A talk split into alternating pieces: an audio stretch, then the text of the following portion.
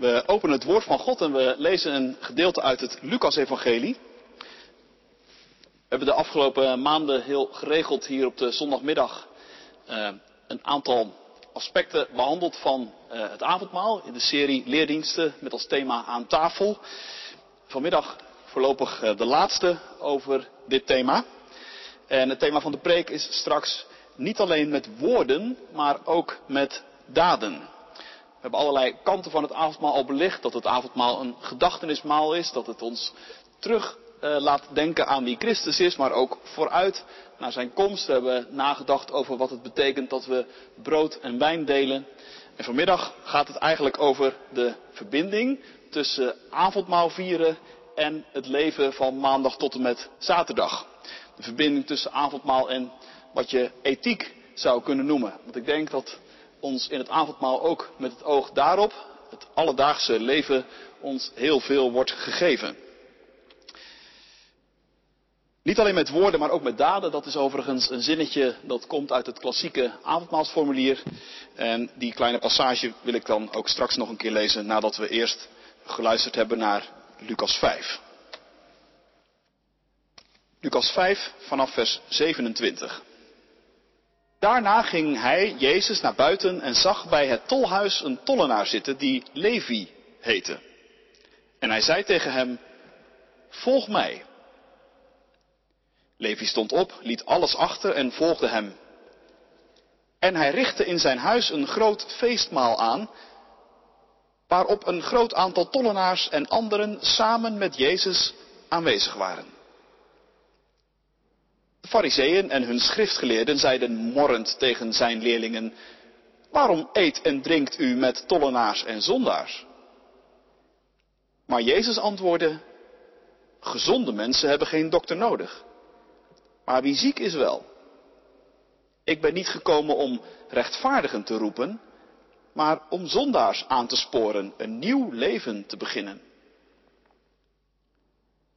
Ze zeiden tegen hem, de leerlingen van Johannes vasten dikwijls en zeggen hun gebeden, zoals ook de leerlingen van de Fariseeën doen. Maar die van u eten en drinken maar. Jezus zei, u kunt toch niet verlangen dat de bruiloftsgasten vasten, zolang de bruidegom bij hen is?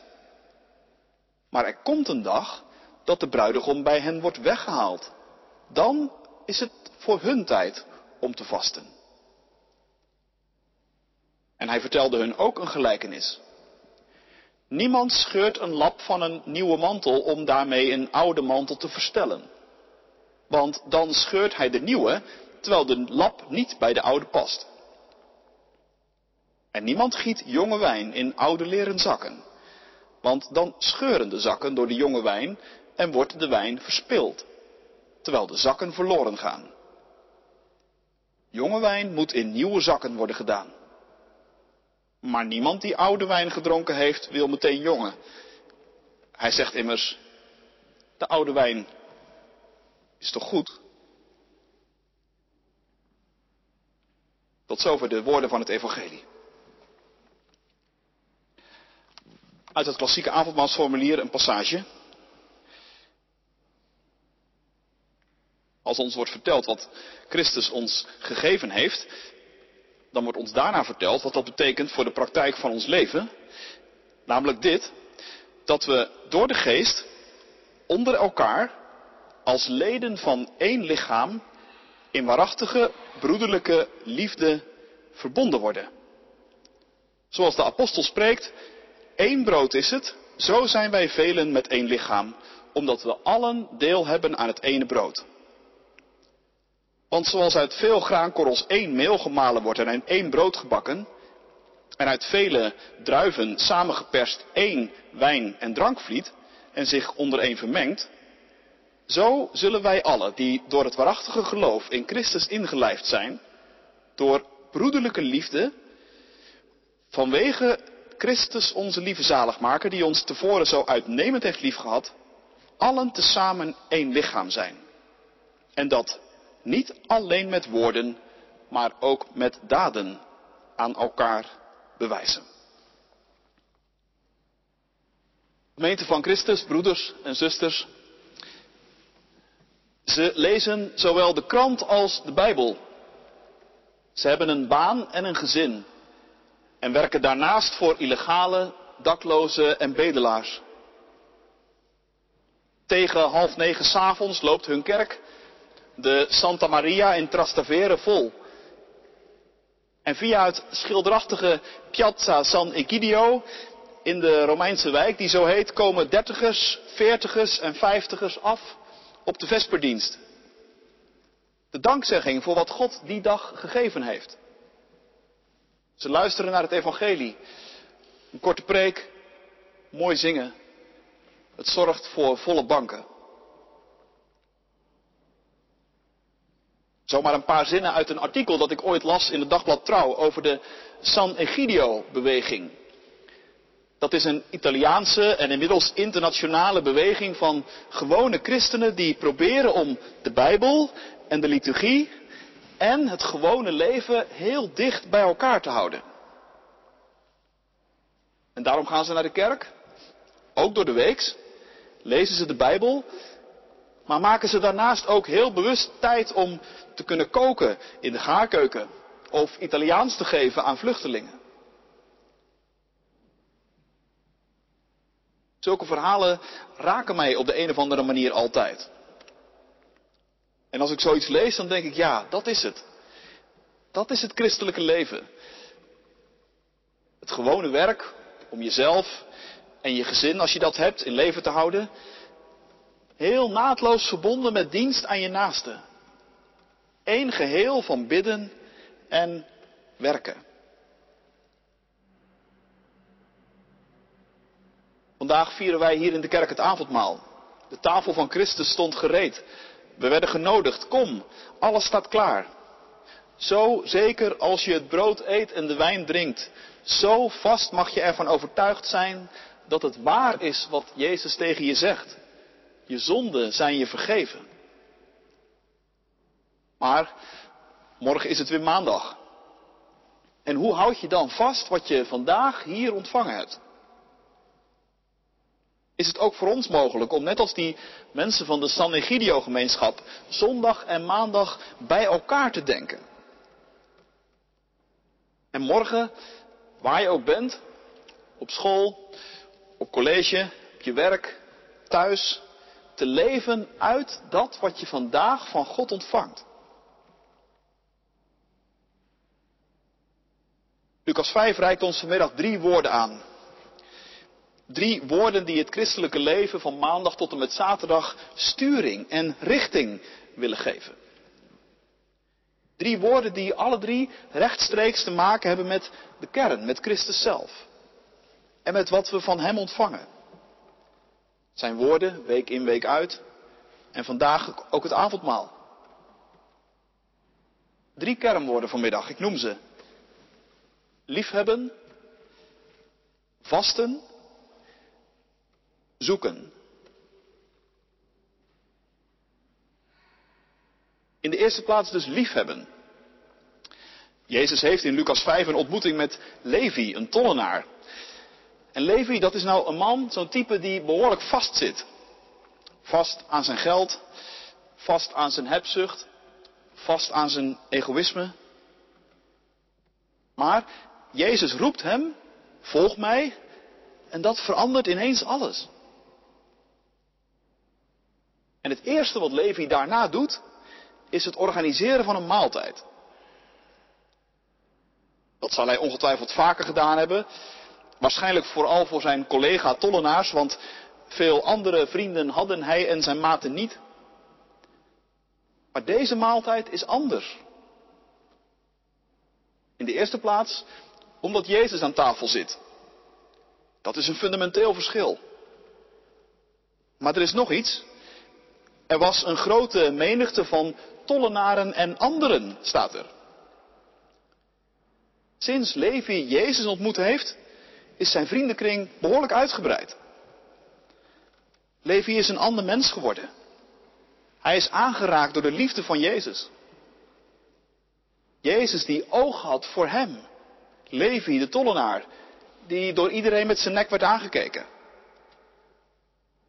En dat heeft iets met Levi gedaan. Het heeft zijn hart geraakt en hem veranderd.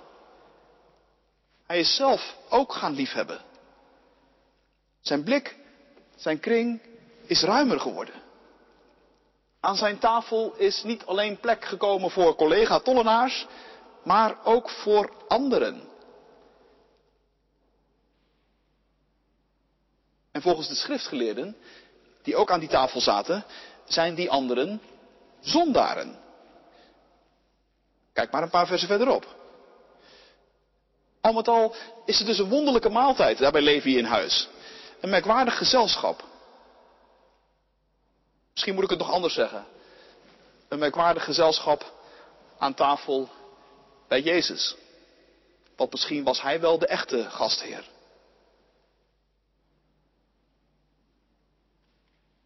Ook wij zitten vandaag bij Jezus aan tafel.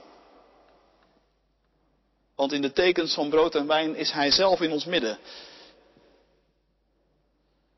Best een merkwaardig gezelschap, alles bij elkaar. Allemaal mensen die het moeten hebben van het woord van Jezus. Mens, je zonden zijn je vergeven. We zitten hier niet bij elkaar aan de tafel bij Jezus als een club van min of meer gelijkgezinden die het zo fijn hebben met elkaar. En die elkaar gevonden hebben in een soort gezamenlijke interesse. Dat kan er soms wel insluipen natuurlijk, die gedachte. Maar dat is echt een valkuil. Natuurlijk, je knikt wel als het gaat over tollenaars en zondaars en je denkt, ja ja, dat gaat ook wel voor mij, over mij, maar liever hoor je toch eigenlijk bij die andere club.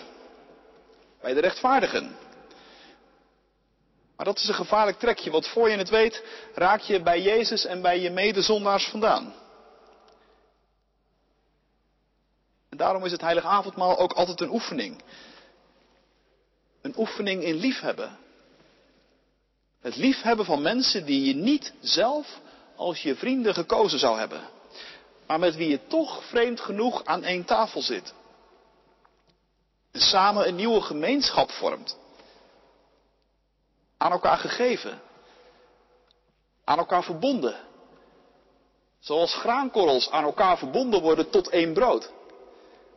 En zoals druiven, het sap van druiven aan elkaar verbonden wordt tot één wijn. Allemaal verschillende druiven, één wijn. Allemaal verschillende korrels, één brood. Zo brengt het avondmaal ons bij elkaar. Frederick Buechner, dat is een Amerikaanse schrijver, die zei het ooit zo. De volgende keer dat je na een avondmaalsdienst op straat loopt, kijk dan eens goed naar ieder gezicht dat je passeert. En zeg dan in gedachten, Christus stierf voor u. Voor dat meisje. Voor die sloeber. Voor dat verdachte personage. Voor die oplichter voor die heilige, voor die vervloekte dwaas. Christus stierf voor u. Dan heb je, zegt Piekner, lief zoals Christus jou heeft lief gehad.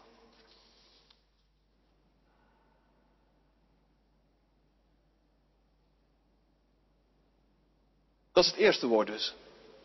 Liefhebben. Laten we naar het tweede woord gaan. Het tweede woord is vasten. En het zijn opnieuw de schriftgeleerden die het thema ter sprake brengen. Want, zo kun je lezen dat Jezus at met tollenaars en zondaars, dat vonden ze heel ongepast. Dat deed je niet als fatsoenlijk mens. En daarmee zat Jezus meteen in de verkeerde hoek. En hoe gaat zoiets? Als iemand voor je gevoel eenmaal in de verkeerde hoek zit, ja, dan ga je ook steeds kritischer naar hem kijken. Iemand die zo makkelijk met Jan en alle man aan tafel gaat. Kent die de regels eigenlijk nog wel?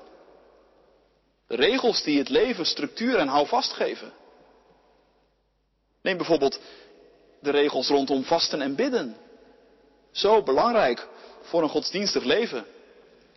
Is Jezus op dat punt eigenlijk wel te vertrouwen? Vragen die schriftgeleerden zich af. Het antwoord hebben ze eigenlijk al gegeven, want ze denken van niet.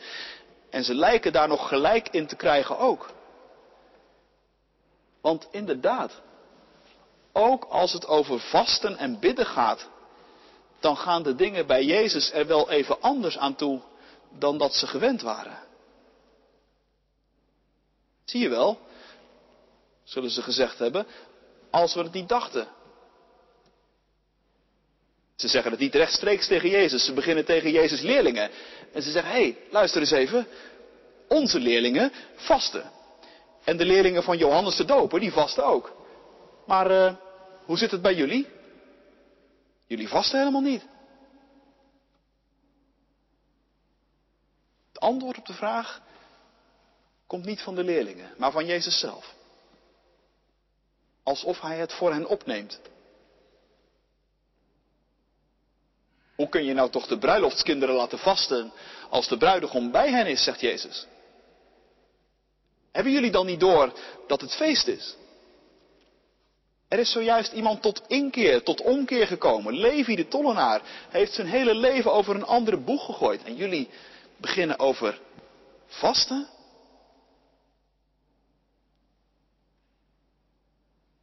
Ja, dat lijkt inderdaad wel heel vreemd. In een feeststemming beginnen over vasten. Misschien is het ook wel vreemd, denk je, om in deze dienst dus over vasten te beginnen. Een feestelijke dienst waarop we horen en zien en proeven dat God goed is. Moeten we dan nu over vasten gaan praten? En moeten we dan zeggen dat dat een kernwoord is voor het christelijke leven onderweg? Een woord dat ons helpt om de zondag en de maandag bij elkaar te houden?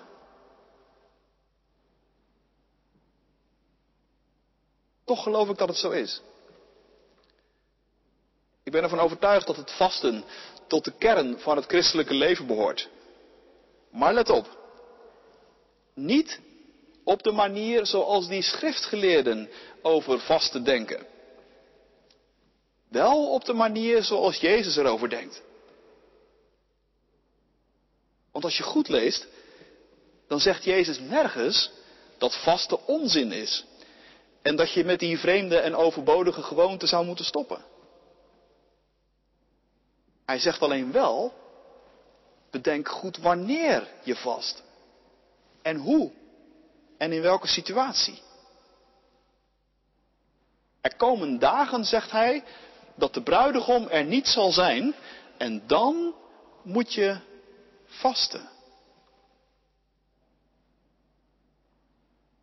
Ja, dan is natuurlijk de vraag voor ons, wanneer is dat? Wat bedoelt Jezus met de dagen waarin de bruidegom er niet meer zal zijn? Ik denk eigenlijk, daar bedoelt hij onze tijd mee. De tijd na Jezus hemelvaart tot aan zijn wederkomst. De tijd waarin wij leven dus. En dat betekent, als dat waar is, dat vasten er voor ons ook wezenlijk bij hoort. Wij leven immers in de tijd waarin de bruidegom er niet meer is. Niet bij ons, fysiek, lichamelijk. Vasten is geen hobby van fanatieke christenen, maar het is levensnoodzakelijk. Het is een vorm van lijfsbehoud. Maar dan moet je dus wel heel goed begrijpen wat en hoe hier het gezegd wordt. In de ogen van die schriftgeleerden was vasten een godsdienstige plicht. Je moest het doen om je godsdienstige plichten te kunnen vervullen. Maar zo gaat Jezus er niet mee om. In zijn komst is er iets beslissends gebeurd. De geschiedenis heeft een grote wending genomen die niet meer terug te draaien is. Zonden worden vergeven, zieken worden genezen, mensen keren zich om. Er is iets nieuws gaande. En dat heeft alles te maken met Jezus. Hij is die bruidegom. Hij organiseert het feestmaal. En dan ga je niet zeggen, nee, ik doe even niet mee. Op zulke momenten is vasten heel ongepast. Maar, zegt Jezus, let op. Als de tijd komt dat ik er niet meer ben, dan moet je wel vasten. Niet als plicht, Niet als manier om bij mij in een goed blaadje te komen of zo. Maar wel om dicht bij mij te blijven. Vasten heeft alles te maken met vasthouden. Vasthoudend zijn. Je concentreren. Je volle inzet en aandacht houden bij het doel wat je voor ogen hebt. En om te voorkomen dat je daarvan wordt afgeleid, leg je soms bewust bepaalde dingen voor kortere of langere tijd aan de kant. Want morgen is het weer maandag. En je weet het toch. Voor je het weet is wat je hier vandaag in de kerk van Christus ontvangen hebt zomaar weer vervlogen. Weg, opgegaan als rook in de wirwar van dingen die op je afkomen. En er komt veel op ons af. Er komt heel veel informatie aan ons af, op ons af, elke dag weer. Veel te veel. En velen van ons zitten in behoorlijke maatschappelijke posities waarin goede, grote eisen aan je worden gesteld.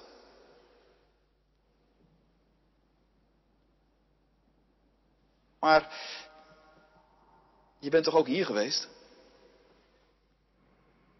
Je hebt toch vandaag iets gemerkt van de vreugde en van de vergeving en dat wil je toch vasthouden? Wij leven in de tijd waarin de bruidegom er niet is. God is niet zomaar overal te vinden. En daarom moeten we zo zuinig zijn op die plekken en die momenten waarvan Hij het zelf zegt. Als je me nou wilt vinden, zoek me dan daar. Zoek me in mijn woorden.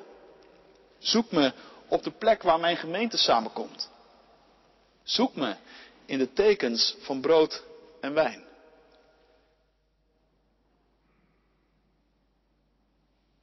Dat lijkt me dus eigenlijk al de eerste vorm van vasten. Dat je bewust de zondag vrijmaakt om God te ontmoeten. Want vasten is veel meer dan alleen maar het opzij leggen van voedsel. Dat kan ook, maar er zijn hele andere manieren. Ik noemde er alleen tijd opzij leggen. Het is echt heel goed om de afspraak te maken met jezelf. Of met je huisgenoten dat de zondag een dag voor Christus is. Een dag van toewijding aan Hem en aan Zijn gemeente.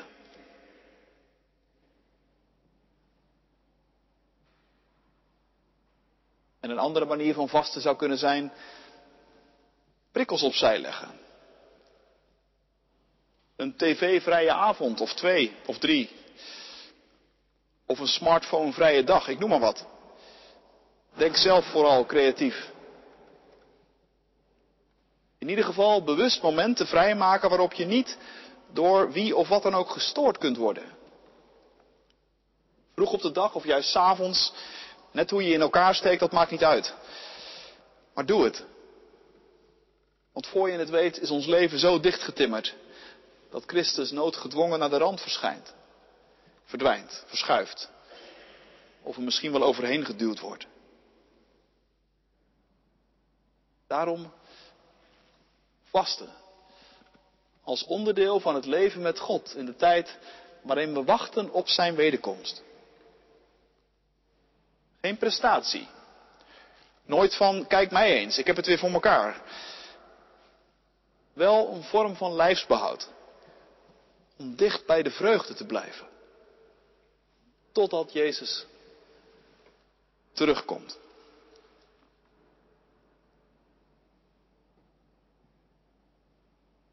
En dan het derde. Jezus sluit zijn onderwijs over het vasten af met een korte gelijkenis. Een tweelinggelijkenis zou je kunnen zeggen. Twee beelden met min of meer dezelfde strekking. Het beeld is niet zo moeilijk. Het gaat over nieuwe wijn en hoe je die moet behandelen. Nou, die nieuwe wijn, daarvan zou ik zeggen, dat lijkt me het nieuwe dat Jezus met zich meebrengt. Dat is het evangelie van zijn genade, van zijn vergeving, van vrijspraak en van vreugde. Allemaal dingen die we niet zelf bedacht zouden hebben. Daarom nieuw. En dat doet iets, zegt Jezus, met de oude vormen. Met de oude tijd. Dat kan niet zomaar zo blijven. Dat past niet langer. liefhebben en het vasten op de oude manier. Het liefhebben van alleen maar je vrienden, alleen maar de mensen die in jouw kring thuis horen. En het vasten als een religieuze plicht om bij God toch min of meer in een goed blaadje te blijven. Zo kan het niet langer. Er is nieuwe wijn, zegt Jezus. En die vraagt om nieuwe zakken. Wat betekent dat nou precies? Ik denk dat dat echt voor elke generatie opnieuw weer een vraag en een uitdaging is. Om te bedenken wat het in onze tijd betekent dat het evangelie nieuw is en om nieuwe zakken vraagt. Dat is ook echt wel zoeken. En daarom is dat vanmiddag het derde kernwoord. Het is met elkaar zoeken naar wat het vandaag betekent om de nieuwe wijn van het evangelie te bewaren in ook echt nieuwe zakken. Te verpakken in nieuwe vormen. Dat betekent niet dat al het oude meteen zomaar even overboord moet. Dat hoor ik Jezus niet zeggen. Nee, laten we God danken voor het nieuwe, maar zeker ook voor het oude. Dank Hem gerust dat je vanmiddag in deze stokoude kerk zit, waar al zoveel mensen voor jou hebben gezeten en God hebben gezocht en gevonden. Dank Hem dat je vanmiddag mag zingen uit een boek waar hele oude liederen in staan, die al generaties lang meegaan en zich bewezen hebben. Maar bedenk ook dat oude zakken kunnen scheuren. En dat de Heilige Geest ons roept om in onze tijd telkens weer opnieuw na te denken over nieuwe vormen en nieuwe zakken. Zuinig op het oude, open naar het nieuwe. Dat is een spannend evenwicht. Juist ook in een gemeente als die van ons. Al snel gaat de discussie te veel over de zakken en verliezen we de wijn uit het oog. Als dat zo is, hollen we vanzelf uit en gaan we van binnenuit stuk. Oud is niet fout, omdat het oud is. En nieuw is niet oké, alleen maar omdat het nieuw is. Nee, het gaat om de nieuwe wijn. Om de doorwerking van het evangelie in ons midden. Daar hoop jij toch net zo goed op als ik.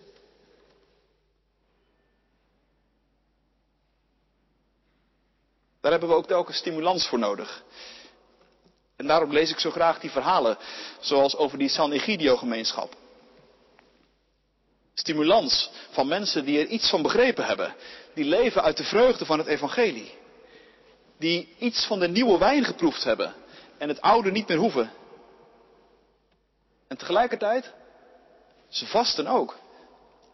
Want er staan kruisen in hun agenda's. Ook midden in de week is er tijd voor Christus. En daar is geen discussie over mogelijk. En vanuit die kern hebben ze geleerd om lief te hebben. Is er in, aan hun tafel en in hun hart ruimte gekomen. Niet alleen maar voor hun eigen baan, voor hun eigen ideeën, maar juist voor de ander. Dat is God dienen. Niet alleen met woorden, maar ook met daden. En dat maakt van ons leven een feest. Amen.